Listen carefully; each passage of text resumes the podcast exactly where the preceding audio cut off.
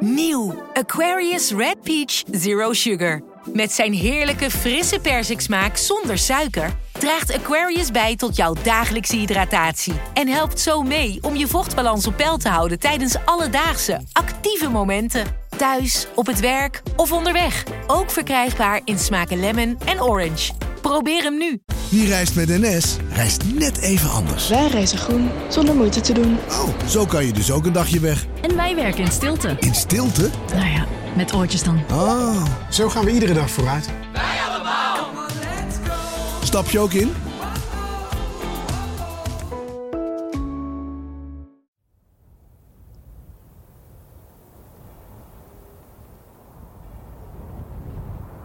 Het is koud.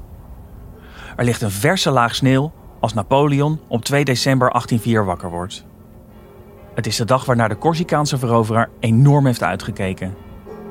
Vandaag kroont hij zichzelf tot keizer. En zijn grote liefde Josephine zal naast hem staan. Ook al had hij erover slaande ruzie gekregen met zijn familie. Zijn zussen zijn namelijk stik jaloers dat Napoleon de belangrijkste bijrol die dag aan Josephine geeft. Ze weigerde eerst zelfs om de sleep van haar jurk te dragen. Maar Napoleon beval Elise, Pauline en Caroline dat wel te doen. Zelfs zijn moeder besloot uit protest niet naar de kroning te komen. In plaats daarvan is ze op bezoek bij Napoleons broer Lucien in Rome. Maar dit alles houdt Napoleon niet tegen. Het is zes uur ochtends als de eerste gasten zich melden bij de Notre-Dame. Er is veel belangstelling. Ze geven hun plaatsbewijzen aan een van de 92 kaartjescontroleurs en zoeken een mooie plek in de kathedraal. In de uren erna stromen steeds meer gasten binnen: militairen, politici en buitenlandse genodigden. Rond 10 uur arriveert Paus Pius VII. Hij is speciaal uit Rome gekomen om de ceremonie te leiden. Het is ijskoud in de kerk. Pas twee uur later komen Napoleon en Josephine opdagen in een gouden koets, getrokken door acht goudbruine paarden. Om er zeker van te zijn dat er geen modder op de koets zou komen, waren er 57 karren zand over het plaveisel uitgestrooid voor het paleis waar vandaan de toekomstige keizer vertrok. Hoorngeschal kondigt hun entree aan. Napoleon draagt een lange purperen mantel van fluweel en hermelijn. Josephine een van satijn, versierd met goud en zilver. De drie zussen Bonaparte nemen wraak door de sleep te strak vast te houden, waardoor Josephine maar moeilijk vooruit komt. De ceremonie duurt lang en Napoleon kan af en toe maar net een geel onderdrukken. Uiteindelijk zalft de paus de Corsicaanse generaal. En dat is het moment dat Napoleon zichzelf tot keizer kan kronen. Hij plaatst een kroon op zijn hoofd en op het hoofd van Josephine. Ze huilt van geluk. Paus Pius omhelst Napoleon en roept door de kerk: Vivat imperator in aeternam. De aanwezigen echo massaal: Vivat! Een orkest met 460 koppig koor barst los in een Te Deum. Napoleon loopt trots de Notre-Dame uit. Buiten staan mannen van zijn regimenten opgesteld. Hij overhandigt de nieuwe keizerlijke vaandels. En daar staat keizer Napoleon. Op het hoogtepunt van zijn macht.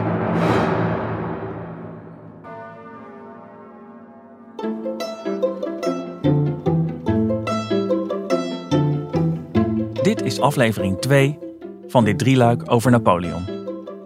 Mijn naam is Bart Funnekotter. Ik ben geschiedenisredacteur bij NRC en al van kinds af aan gefascineerd door Napoleon, die dit jaar 200 jaar geleden overleed. Ik onderzoek hoe de Corsicaanse alleskunner wist op te klimmen tot keizer van Frankrijk. Was hij een ongekend genie dat de loop van de geschiedenis eigenhandig bepaalde? Of was hij simpelweg op het juiste moment op de juiste plek? Hoe werd Napoleon Bonaparte een van de beroemdste veroveraars aller tijden? Beluister eerst aflevering 1 om het verhaal goed te kunnen volgen. In deze tweede aflevering horen we over Napoleons briljante manier van oorlog voeren.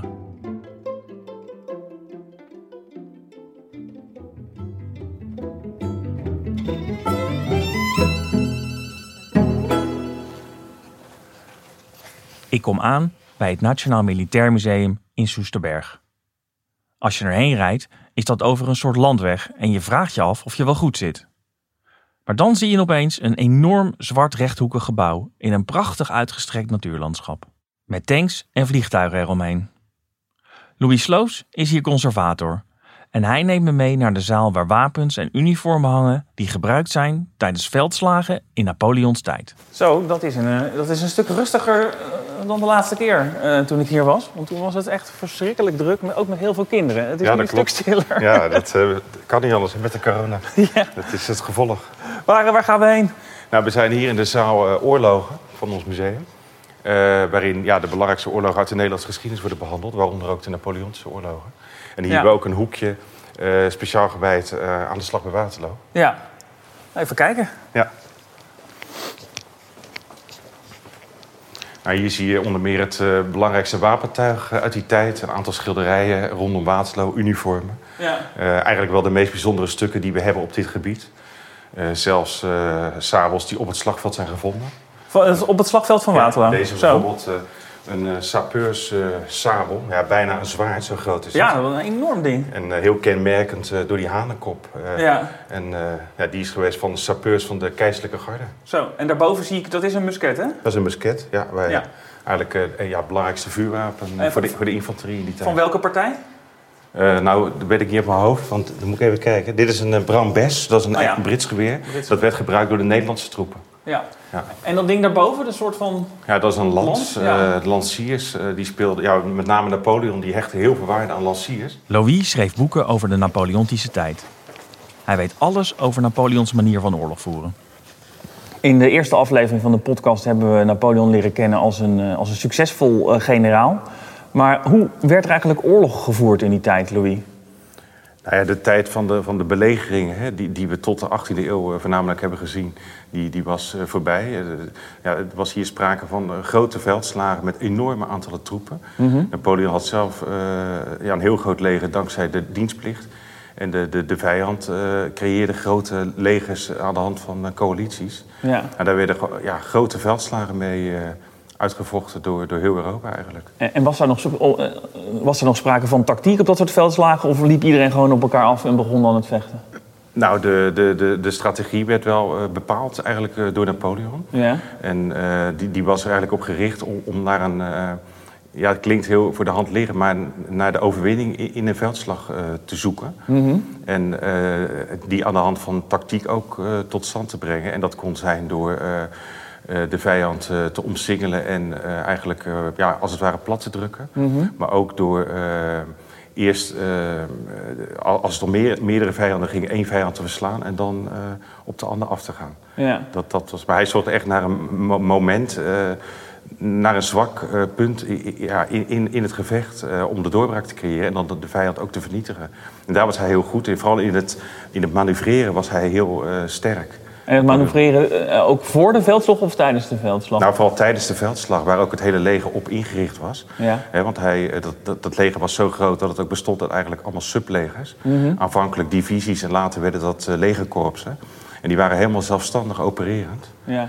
Ehm, ja, waardoor hij ja, niet zo'n doorbraak ook kon forceren. Hè. Ja. Eh, eh, ook ook eh, misleidingen zeg maar, en schijnaanvallen uit te voeren op, op de hoofdmacht... en dan een andere, eh, ja, ander deel te verslaan en daarna dat te herhalen. Ja. Dat waren zijn slimmigheden. In het jaar na Napoleons kroning gebeurde er heel veel. Engeland was erin geslaagd Rusland en Oostenrijk over te halen, de wapens weer op te pakken en samen te werken. Beide landen hadden eerder gedwongen vrede moeten sluiten met Frankrijk en zonnen op wraak. Meer dan een klein zetje van de Engelsen, ook op financieel gebied, was er niet voor nodig geweest om Rusland en Oostenrijk te overtuigen. Napoleon schrok daar niet van. Hij was op de toppen van zijn kunnen.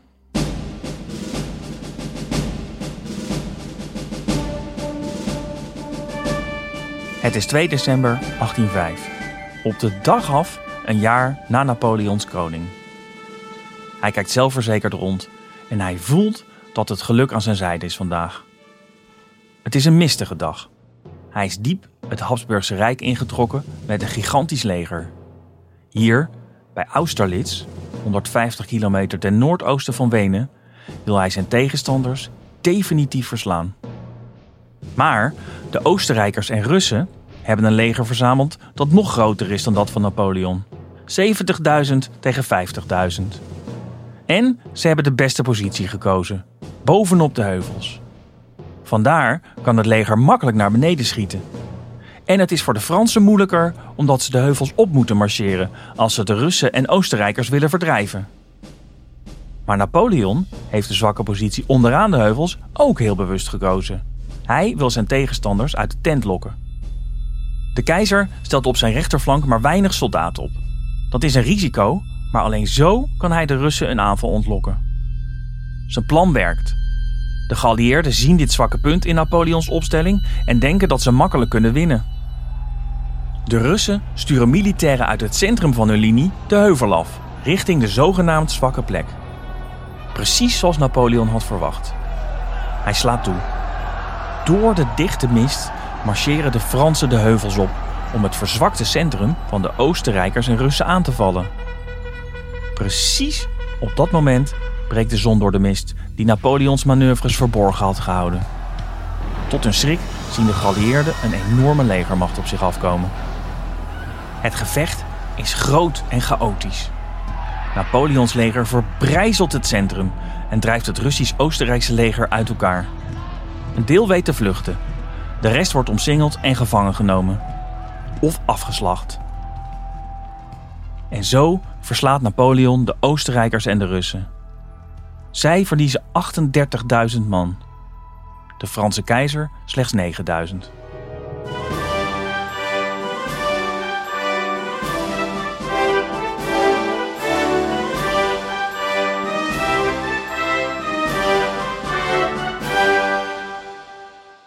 Eh, Louis, wat maakte deze slag nou typisch Napoleon?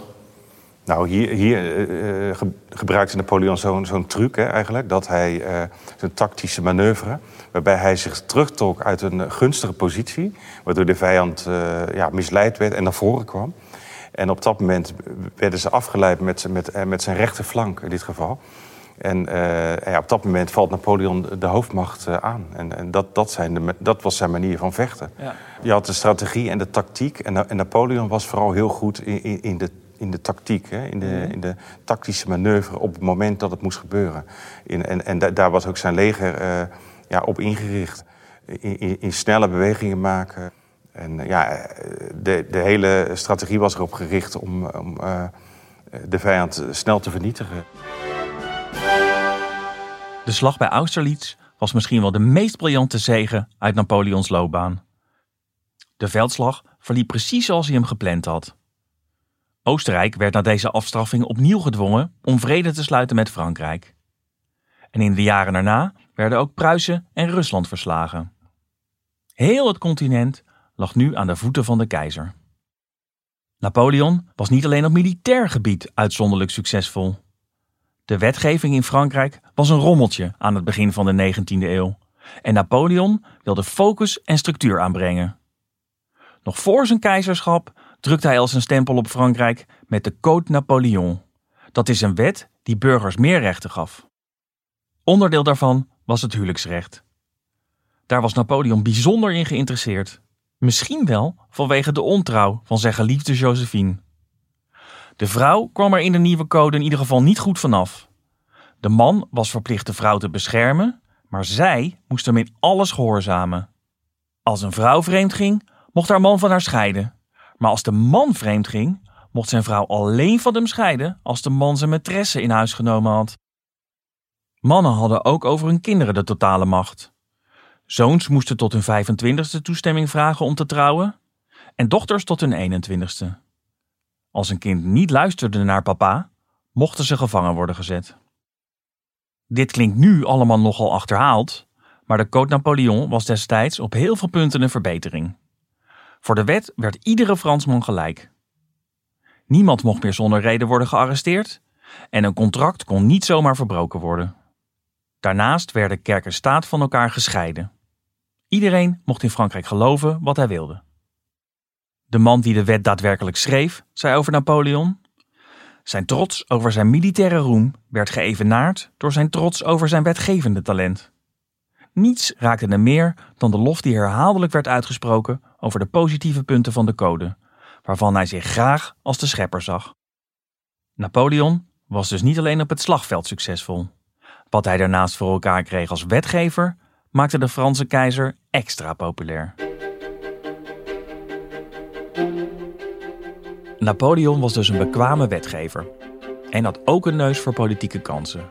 Maar een leger leiden, daar moet je toch vooral strategisch en tactisch slim voor zijn. Een talent voor hebben. Was hij nou echt zo'n militair genie? Het leger was uh, zo groot dat het verdeeld was in meerdere legers. Het waren zelfstandig opererende legerkorpsen. Uh, hij, hij had beschikte over rijdende artillerie op grote schaal. Artillerie vond hij heel belangrijk, ook om die doorbraak natuurlijk te forceren.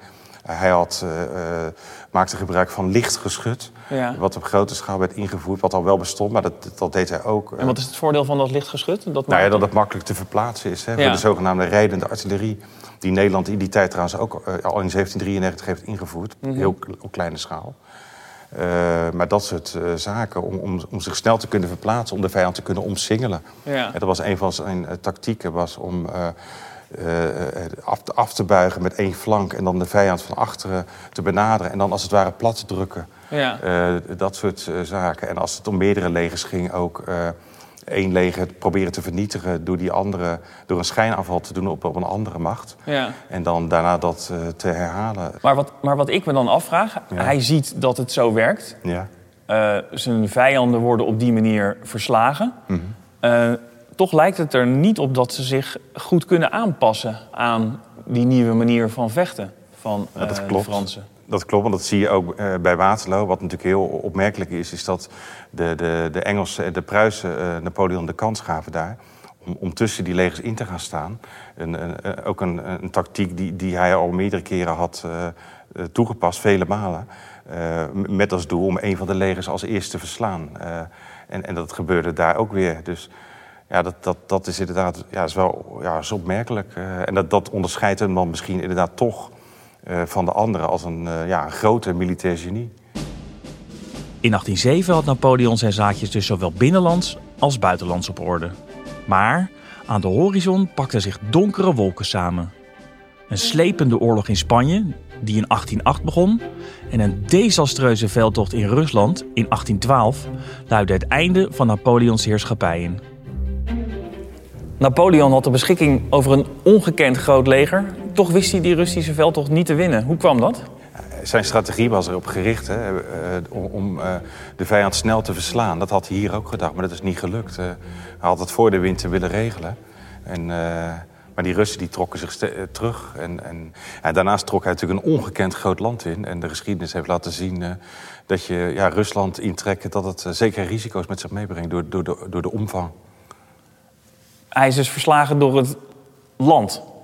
Uh, maar ze zou het wel kunnen noemen. Hij is eh, het land als het ware ingezogen. Hè. De, de, de, de, Russen hebben hem uh, ja, uh, het land in laten trekken... en ja, de, beruchte tactiek van de verschroeide aarde toegepast. Hè. Dus alles, naarmate hij dieper het land in ging... kwamen ze steeds minder tegen. Alles werd platgebrand en weggehaald, noem maar op... En uh, ja, toen, de winter uitbrak en eigenlijk de, de veldtocht leverde ook niets op, uh, begon de terugtocht. En uh, ja, toen brak ook de winter uit. En ja, dat is uiteindelijk fataal geworden voor, die, ja, voor, voor, dat leger, voor dat enorme leger. Want kijk, als je zo'n groot leger hebt en het gaat fout, dan gaat het ook goed fout natuurlijk. Als je, als je geen middelen hebt en geen aanvoerlijnen en ook niet van het land kunt leven, wat, wat, wat, het Napoleontische leger bij uitstek deed. En, en, en daar is het op misgelopen. Een leger van 500.000 man, uh, verslagen, uh, verdwenen. Was het daarmee afgelopen voor Napoleon? Nee, gek genoeg niet. Want een jaar later uh, werd de, de slag bij Leipzig uitgevochten. En Napoleon probeerde gewoon weer in Duitsland eigenlijk de macht te grijpen. En ja, stond weer met een enorm leger weer van een paar honderdduizend man te velden. En dat is wel mislukt, weliswaar. Maar hij had het weer, weer voor elkaar. Er was natuurlijk toch gewoon de dienstplicht. En daarnaast uh, sprak Napoleon een nieuwe groep aan, een, een middenklasse. Uh, die, die, gingen deel uitmaken van een, een zogenaamde garde d'honneur, erewacht. Dus ja, dat was een, natuurlijk een, een, een, lapje tegen het bloeden. En hij riep ja, nu jongens op die, die normaal niet er onder de dienstplicht konden uitkomen, omdat ze zich konden uitkopen. En die werden dan nu eigenlijk min of meer verplicht gesteld om toch op te komen. En ook nog hun eigen paard mee te brengen, eigen uniform te betalen. En ja, door dat soort middelen werd dat leger toch weer ja, omhoog getild. Dus hij had toen bij Leipzig in 1813 weer 100.000 man tot zijn beschikking. Hoe liep die veldslag af? Nou, die veldslag liep fataal af uh, en, en luidde eigenlijk uh, het einde in van, van, Napoleon. ja, uiteindelijk tot zijn verbanning naar Elba. Want hij verloor daar? Hij verloor daar, ja. ja. ja doordat er enorme grote... Het was de grootste veldslag tot de Eerste Wereldoorlog. Die daar heeft plaatsgevonden. Ook wel de Volkerenslacht uh, genoemd, omdat er heel veel verschillende ja, eh, partijen aan deelnamen. Hè. Een, een, een, zeer grote coalitie uh, die, die veel sterker was dan het leger van Napoleon. Twee jaar na de desastreus verlopen veldtocht in Rusland is Napoleon zijn macht kwijt. En wordt hij verbannen naar het eilandje Elba. Maar Elba lag gevaarlijk dicht bij de Franse kust. En Napoleon werd al gauw onrustig. De gouverneur die hem in de gaten hield, reisde kort naar Italië en de gevallen keizer kreeg zijn kans. Hij ontsnapte, zette voet aan wal op de Franse kust en begon een zegentocht naar Parijs.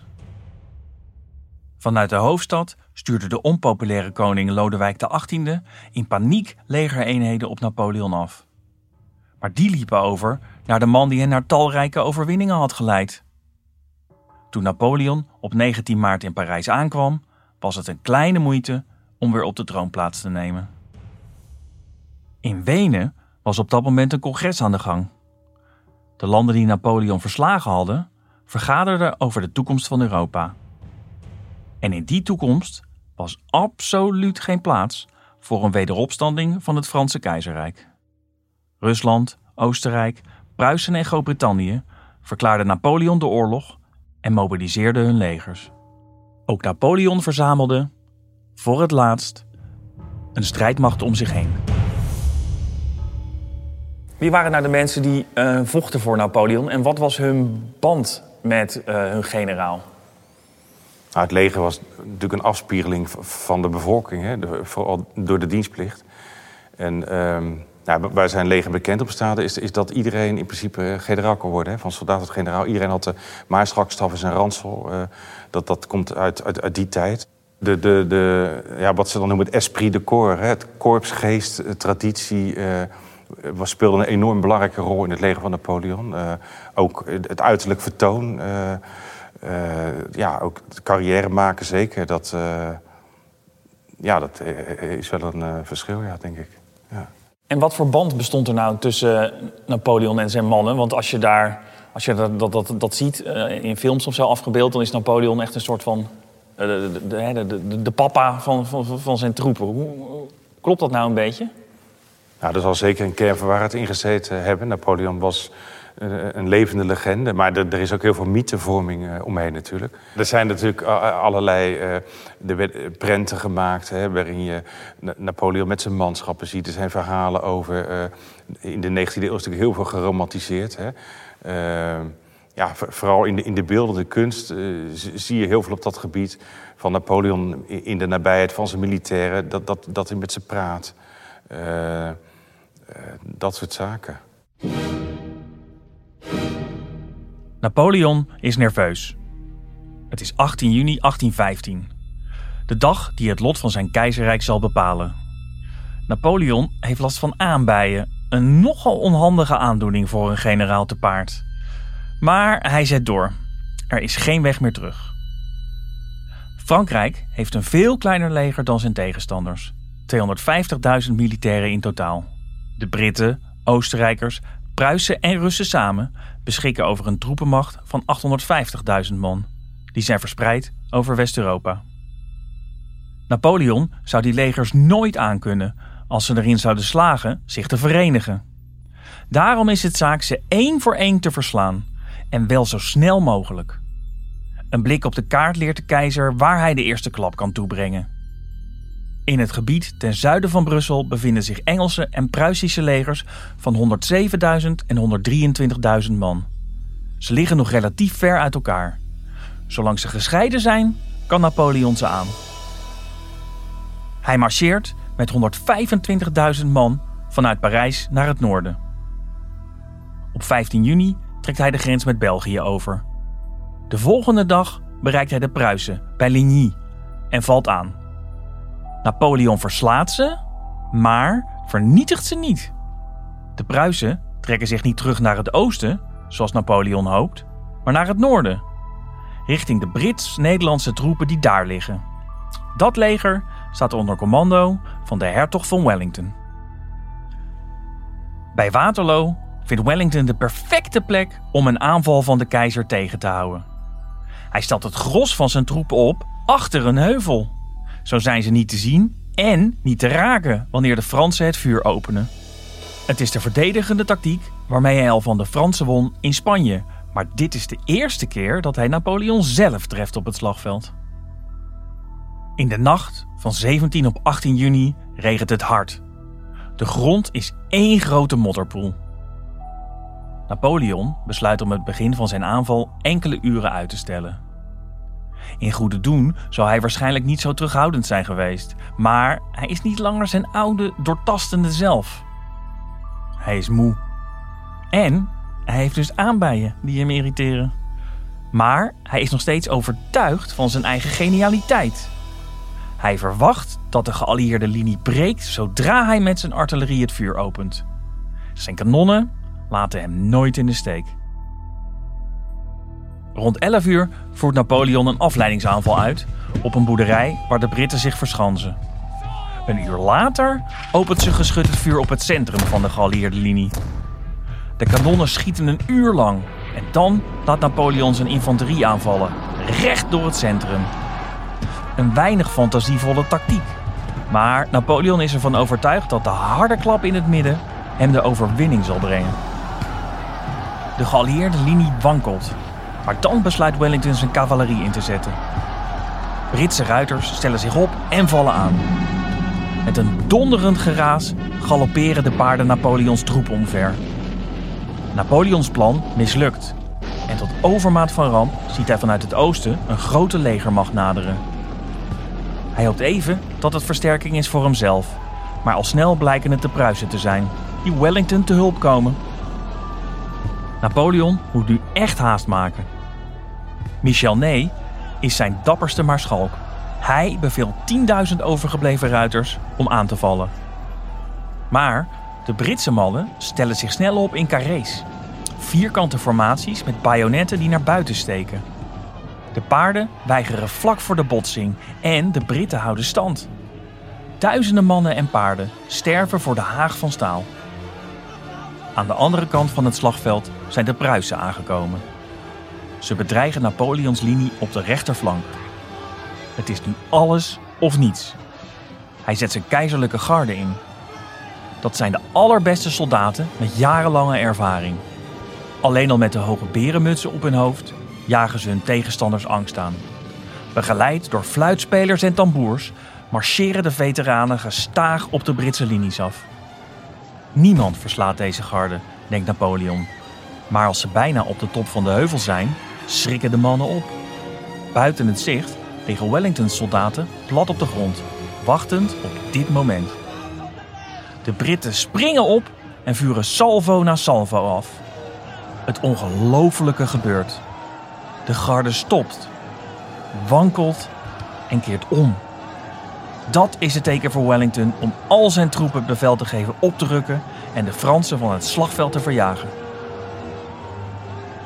Napoleon weet zelf maar net te ontkomen. Hij vlucht. Terug naar Parijs. De onverslaanbare heeft verloren. En hoe?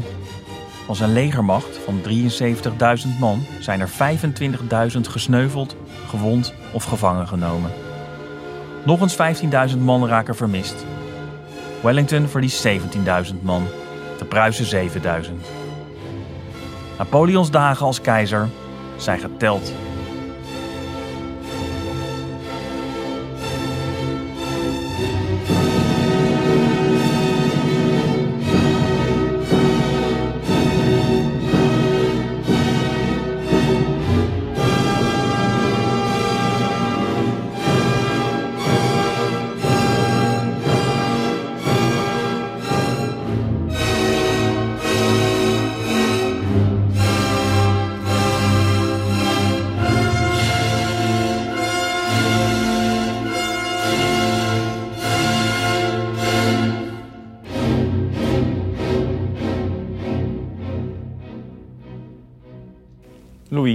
Waarom verloor Napoleon de slag bij Waterloo?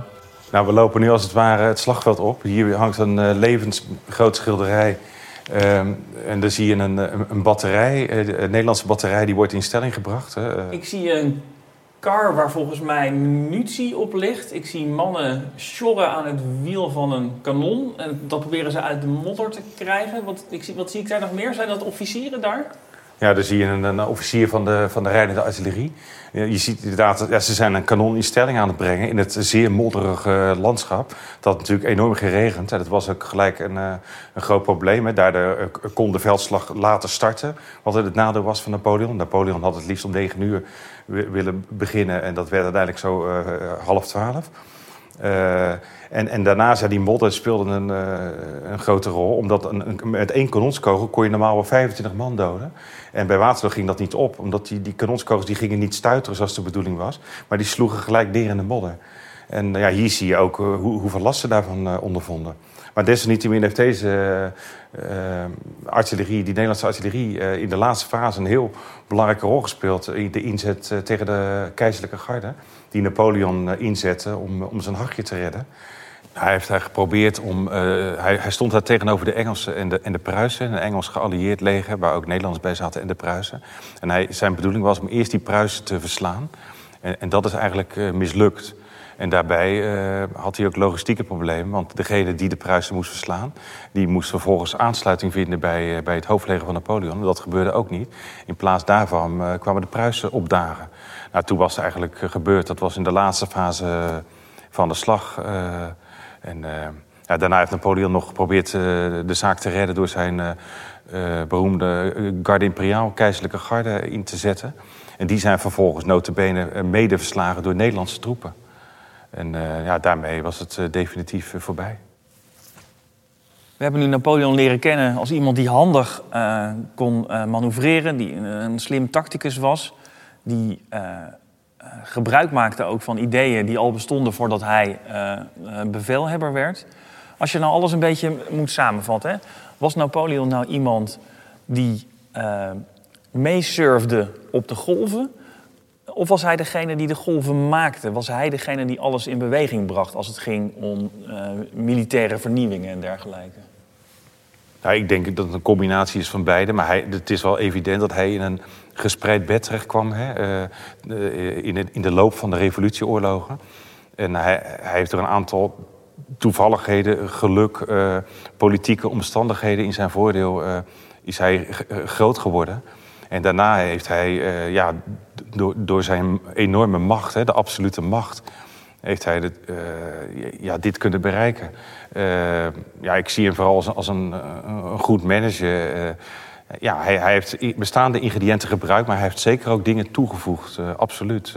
en, en er was sprake van een schaalvergroting. ja, ik denk dat je het zo moet omschrijven. En was hij natuurlijk een woord dat we tegenwoordig helemaal niet meer gebruiken. Anders dan voor voetballers. Maar was hij een genie als militair? Uh, ik denk het wel. Ik denk dat je uiteindelijk wel kan zeggen dat hij een militair genie was. Uh, want hij heeft ja, het enorm lang volgehouden. En kijk, het feit dat, dat, uh, dat ingrediënten er zijn... wil nog niet zeggen dat je er een taart van kunt bakken. Hè? Dus om het zo maar even uit te drukken.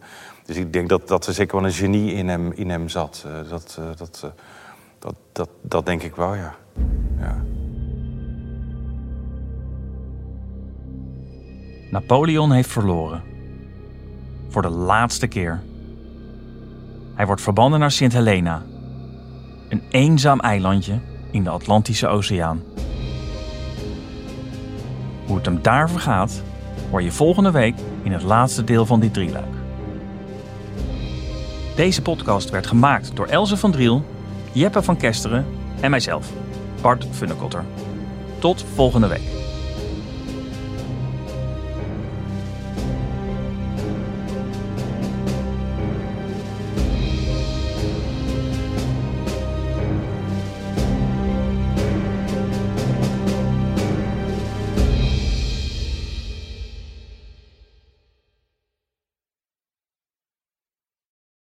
De financiële markten zijn veranderd, maar de toekomst, die staat vast.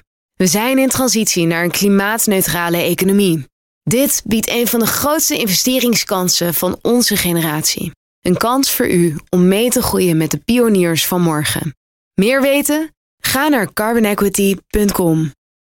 Carbon Equity. Do good by investing better.